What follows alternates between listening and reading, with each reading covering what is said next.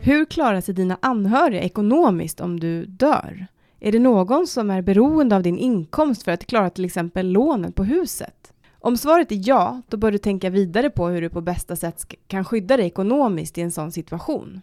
Och att teckna en livförsäkring åt dig eller din partner, det kan vara ett sätt. I det här avsnittet av Försäkringspodden ska vi prata om just livförsäkringar och den nya jämförelse av livförsäkringar som vi på Konsumenternas försäkringsbyrå har gjort. Men vi ska också prata om ifall det finns ett ekonomiskt skydd för efterlevande i flera andra försäkringar, till exempel sådana som du kan ha via jobbet. Jag som programledare i den här podden är som vanligt Jenny Sparring och med mig i studion idag har jag mina kollegor Håkan Karlsson och Gustav Jonsson, jurister på Konsumenternas försäkringsbyrå. Välkomna! Tack så mycket. Tack så mycket. Kul att ni är här igen. Ni har ju varit med i podden några gånger nu. Men idag ska vi då prata om livförsäkringar och då tänkte jag börja fråga dig Håkan. Vilket skydd kan egentligen en livförsäkring ge? Eh, ja, en livförsäkring är ju en väldigt enkel försäkring eh, egentligen. Alltså kort och gott, den ger ersättning om man dör och det kan man ju, det gäller ju både om du dör på grund av sjukdom eller ett olycksfall. Sen finns det ju villkor såklart Mm. eh, som gör att den kanske inte gäller i vissa fall. Mm. Men, men eh, det finns ju bara ett liksom, utfall, det är ju om man dör så att säga. Så att det finns ju inget annat i den här försäkringen. Nej, så den är då, enkel att förstå egentligen så, även om den ändå kan vålla vissa frågor så att säga. ja. Mm. och då är det ett eh, visst eh, belopp som går till förmånstagarna eller de eh, efterlevande. Ja men precis, det väljer du ju själv, eh, oftast inom ett spann på från ett par hundratusen kanske upp till eh, väldigt många miljoner. Så får du ju välja det eh, själv och premien sätts ju såklart ut efter det.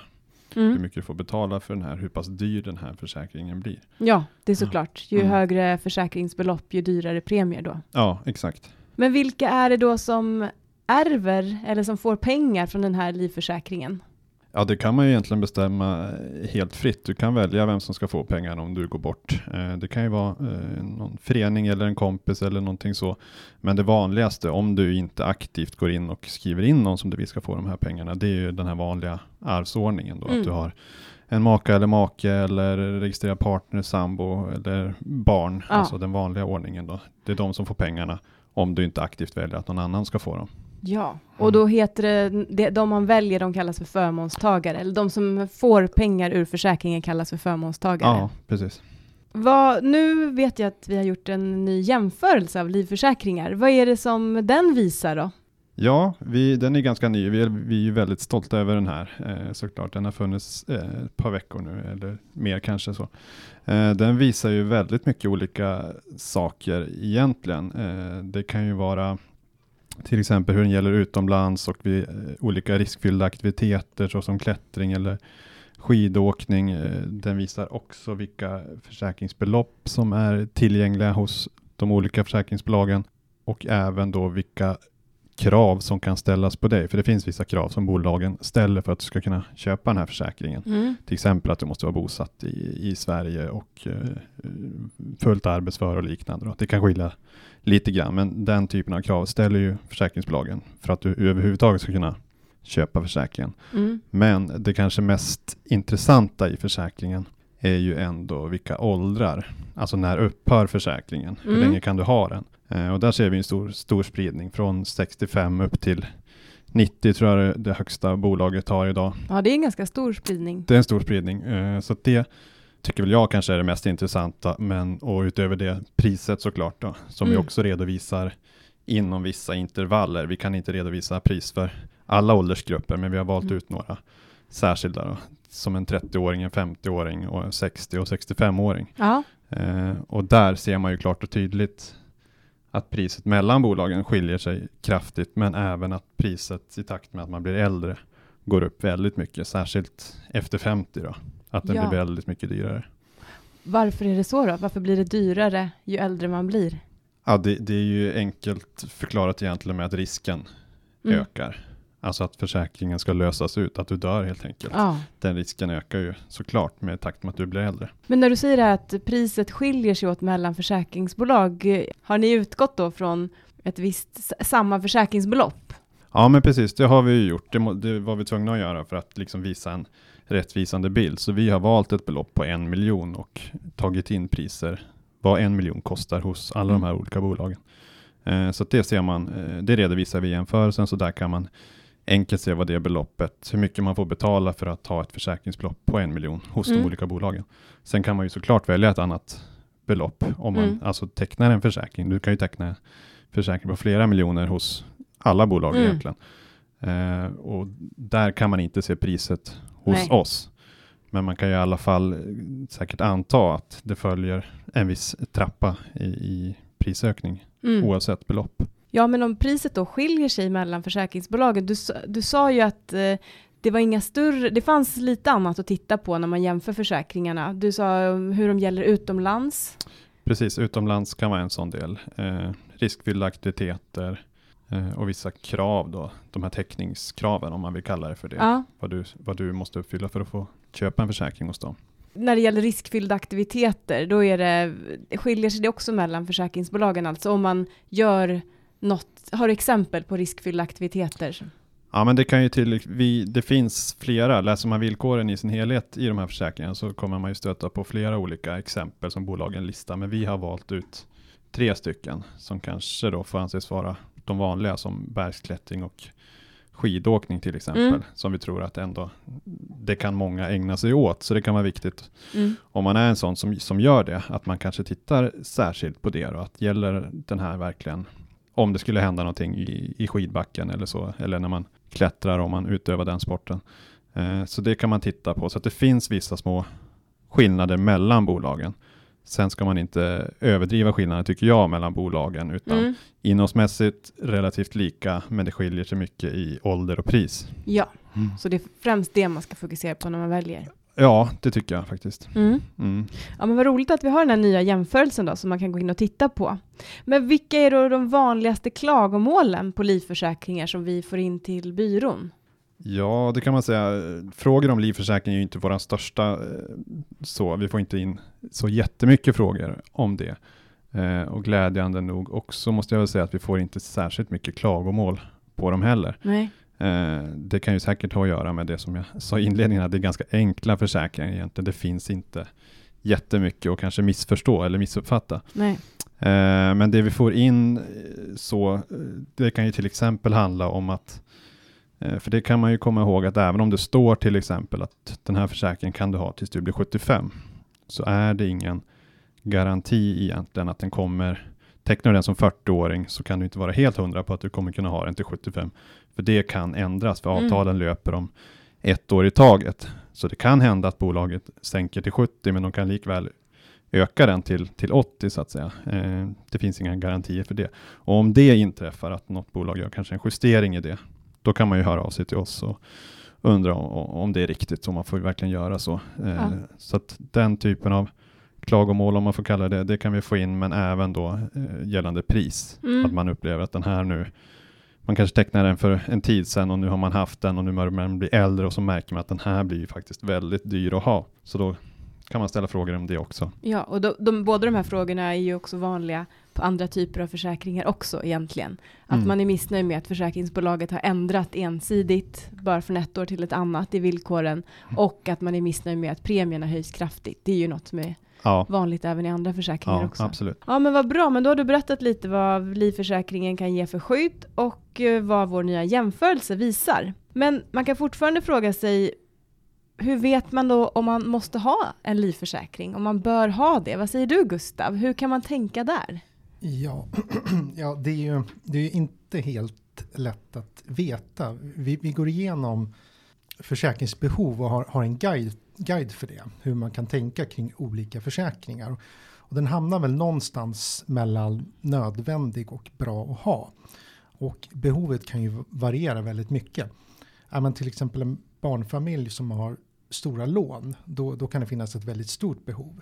Men är man ensamstående och, och kanske inte har lika många anhöriga så då som drabbas, då, då kanske inte behovet finns alls. Mm. Jag skulle säga att det varierar väldigt mycket, men det är nog en åtminstone en bra att ha, men för vissa grupper kan den vara helt nödvändig.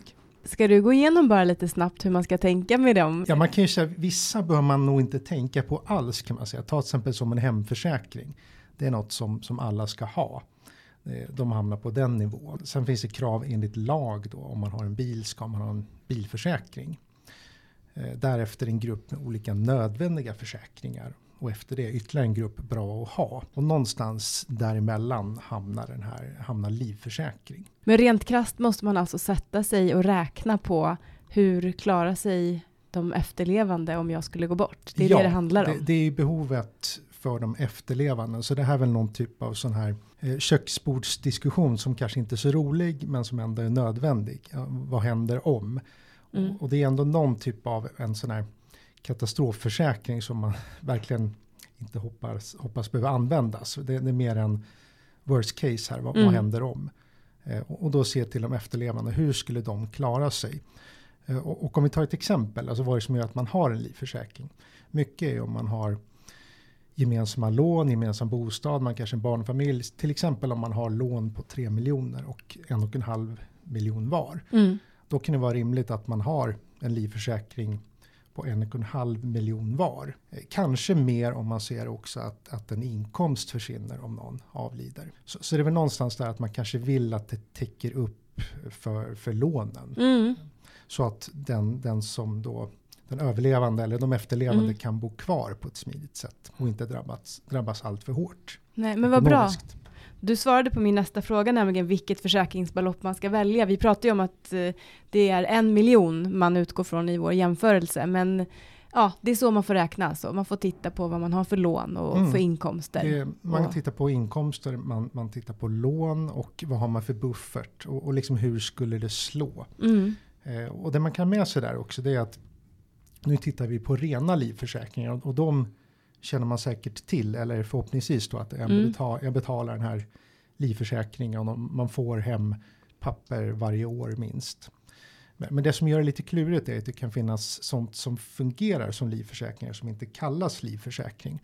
Och Ja. de ska man också försöka leta upp för att se då vad, vad har jag vad har vi idag totalt? Mm. Eh, Och, och det jag tänker på där är sånt som tjänstegrupp livförsäkring, låneskydd, om det finns gruppförsäkringspaket där det kan finnas någon typ av livförsäkring, om Mm. kanske via arbetsgivare eller fackförbund, något man betalar extra för.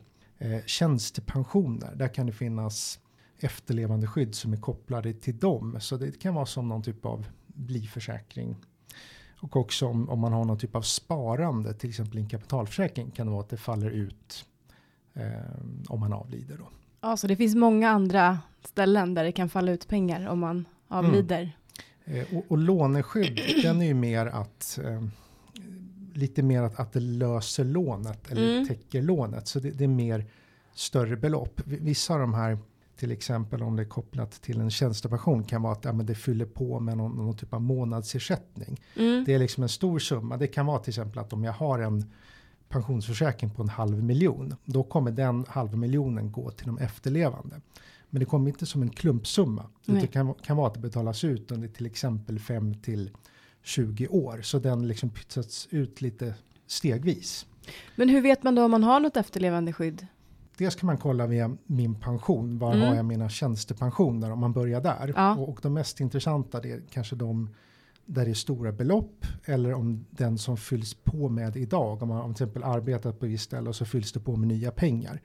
De kan man kolla upp först och sen förhoppningsvis kan man logga in via mina sidor och se är ett efterlevande skydd eller återbetalningsskydd Mm. kopplat till den tjänstepensionen. Och det kan också vara så att man ser det via det som kallas valcentral Ja. som administrerar det där kring tjänstepensionen. Så, så, men börja med att kolla med försäkringsbolaget. Och det där du sa med min pension, det var ett jättebra tips, för de har ju verkligen en bra tjänst där man kan få en bra överblick över vilka tjänstepensioner man har. Precis, är, ja, man, man kanske inte har järnkoll på det från Nej. början direkt. det är ju Ja. en djungel det där. N- när så tanken är det att man får se vad har man, vad, vad har man för behov är, Mm. är den första frågan. Och sen vad har man idag och då att kanske fylla på med lite sånt som man inte kommer att tänka på direkt. Mm. Och de här tjänstegrupplivförsäkringarna du pratade om, eh, de eh, får man kontakta sin HR-avdelning Ja. och höra efter? Det får man göra. Ja. Och det är väl något som ofta finns om det är via kollektivavtal och Ja. så. Men, men Ja, Jag tänker bra. på de här efterlevande skydden också. Att man ska teckna på det. Det är ju viktigt där då också att man, för man kanske har flera tjänstepensioner. Att, att man gör det på varje där man har sin tjänstepension. Att det här valet, som jag förstått det, gör man ju inte på ett ställe så att säga, och så gäller det alla ens pensioner som Nej, man just har. det. det är, man kan väl se det när det gäller tjänstepension så kan man tänka tjänstepensioner. Att det, det är väldigt splittrat. Det kan vara en eller flera per arbetsgivare. Så Mm. det kan ju vara att ja, men jag har kanske fem stycken och vill ha Mm. efterlevande skydd och lägga till det. Då ska jag lägga till det på de fem. Mm. Och för att Mm. komplicera det ytterligare så är ju det lite som vi var inne på livförsäkring. Att de kan kosta olika och vara olika prisvärda. Ja, Och det kan man se på vår webbplats och, och räkna ut vad kostar motsvarande summa då eh, i efterlevande skydd. Mm. Så man Jättebra kan ställa det mot varann lite om man vill. mm. för det har ju vi ett sånt unikt beräkningsverktyg som Mm. visar på vad Mm. efterlevandeskyddet kostar. Vi har ju pratat om det tidigare i podden, men det kan vi gärna betona igen. Ja, och jag körde vissa testberäkningar. Om man tar den här 60-åringen så var det väl någonstans, om det var en miljon, Mm. så var, låg den någonstans mellan till exempel, vad var det, 2 5 till 8 000 kronor per år. Och motsvarande summa Mm. på två populära avtalsområden där många har sina pensioner, det, det låg mellan ungefär 2 till 5 000 eller 2 500 till 5 000 någonstans. Så, så det behöver inte Mm. vara mycket dyrare, men, men det kan nog skilja sig en del, så det kan vara värt att kika. Då kan man titta på vår jämförelse, vad kostar det där och så, och så jämför man Mm. då med vad det tjänste, med tjänstepensions, Eh, med eh, efterlevandeskyddsverktyget. Precis, man, man kan både se priset för livförsäkring och Mm. för det här efterlevan, efterlevande skyddet. Mm. Sen ska det sägas att när man, om man tar efterlevande, det- precis, livförsäkring är en ganska enkel produkt Mm. medan efterlevande skyddet är lite svårare. Till exempel är det, att, är det återbetalning av beloppet, ja det beloppet varierar. Har till exempel börjat betalas ut, nej, men då är det min, min, det är inte, det är inte att, kanske att man vet att det här är 500 000, nästa Nej. år kanske det är 400 000. Så att det, det skiljer sig. Det är en mycket mer komplicerad produkt. Ja, så, Ja. Så, så om man håller det enkelt så är man väl lite mer inne på livförsäkring kanske. Eller en klassisk livförsäkring ska sägas. Vad är det som gäller då kring det här med hälsodeklaration? Måste man inte fylla i en sån när man tecknar en livförsäkring och kan det påverka priset? Ja, det kan man ju säga att det, det behöver man fylla i. Försäkringsbolaget behöver ha koll på hur de ska se på, på risken när de tar in dig som kund. Så att du kommer behöva fylla i en sån här och är det så att du uppger vissa saker i den här hälsodeklarationen som gör att bolaget anser att risken blir för hög. Vi kan inte försäkra dig så att säga. Då kommer du få ett, ett avslag. Men det är inte så. Det ska inte vara bolagets första Nej. tanke så att säga, att de avslår din ansökan, utan de ska i första hand i så fall då kanske ta ut en högre premie för dig för att du är en högre risk än vad säger, genomsnittet. Då kommer du få en något högre premie Mm. än kanske en person i, i liknande ställe, men som inte då kanske har eh, en, en viss sjukdomshistorik. Och det gör väl att även med eh, livförsäkringar på samma sätt som andra personförsäkringar är det enklare att teckna ju tidigare man gör det. Ja, precis. Får, Men- får jag fråga mm. en sak Ja. där om eh, när vi pratar risk och kanske riskfyllda aktiviteter. Vi, vi pratade tidigare om det här med skidåkning. Är det sån här mer speciell, är det off-pist eller någonting, alltså extra riskfylld skidåkning? Eller är det, det är inte vanligt när man åker runt i backen? Det ser man inte som väldigt riskfyllt eller? Nej, precis, utan undantaget gäller ju. Åker du i, liksom i den pistade delen av backen, då, då ses det ju inte som särskilt farligt, utan det är ju när du ger dig ut off-pist då som bolaget kan Just klassa det. det som en särskilt riskfylld och göra ett, göra ett undantag för det i så fall. Då. Just det, Mm. för nu är, nu är kanske skidsäsongen slut för Mm. i år, men ändå Mm. vad, vad man menar där med riskfylld. Men då är det lite Absolut. mer speciell och, och den där, det är lite bergsklättring och mer, mer utöver det vanliga. Det är ingen kanske Nej. vanlig semester riktigt. Nej, precis. Och det, de kan ju ha liksom, om vi tar bergsklättring eller dykning som exempel, och så, så kan ju såklart dykning, om man säger mer vanlig, normal dykning, det kan ju vara helt okej. Eh, ut- och då har de istället begränsare med vissa djup, att om du dyker på på, på djup, eh, på större djup så att säga. Det är då det först blir en Mm. riskfylld Ja. aktivitet och det är då man undantar det. Men man kan se det lite som en generisk produkt, att den är ganska likadan och då Ja. kanske man kan titta ännu mer på pris eventuellt. Ja, Det tycker jag faktiskt här, att här kan man vara lite prisfokuserad. Ja, om man nu väljer att eh, teckna en livförsäkring, eh, är det någon skillnad på att teckna en individuell försäkring eller en gruppförsäkring? kan vara en fördel att teckna en individuell. Därför att med en gruppförsäkring, det kan bli problem ifall du lämnar gruppen. Eh, att den blir dyrare om du lämnar gruppen eller att du i värsta fall inte kan behålla den. Eh, och därför är det ju säkrare att ta en individuell försäkring. Kan du ge tips på, eller kan du ge exempel på gruppen då? Ja, men gruppen, sorry, det, det, kan ju vara att det är vi, det, det, när det är grupp så är det ofta att det är via någonting. Det kan Mm. vara via ett fackförbund eller via en arbetsgivare. Och skulle du då byta arbetsgivare eller gå ur Mm. fackförbundet, då kan det vara att ja, men då kan du inte ha kvar den här eller att den blir dyrare. Medan om du då gick direkt till ett försäkringsbolag, då, då vet du att du kommer ha kvar den. Ja, men jättebra. Ja, men då har vi kommit fram till veckans fråga. Och eh, den lyder så här, det är en väldigt vanlig fråga.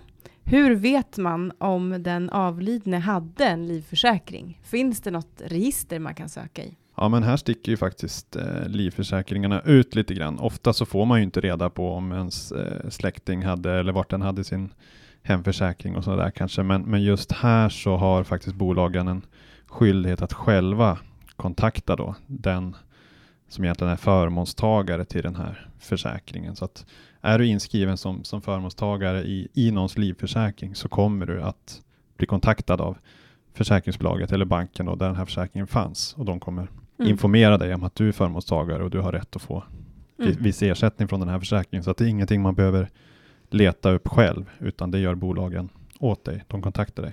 Det kan ju vara skönt att veta som anhörig. Man har ju fullt upp ändå i en sån situation. Ja, verkligen. Och när vi ändå är inne på det, det här med eh, jag tänkte på, du nämnde ju Gustav att det finns försäkringar på många olika ställen där det, där det kan eh, lämnas en ersättning vid dödsfall. Mm. Eh, men det finns väl inget register som man kan söka vilka försäkringar omfattas jag av?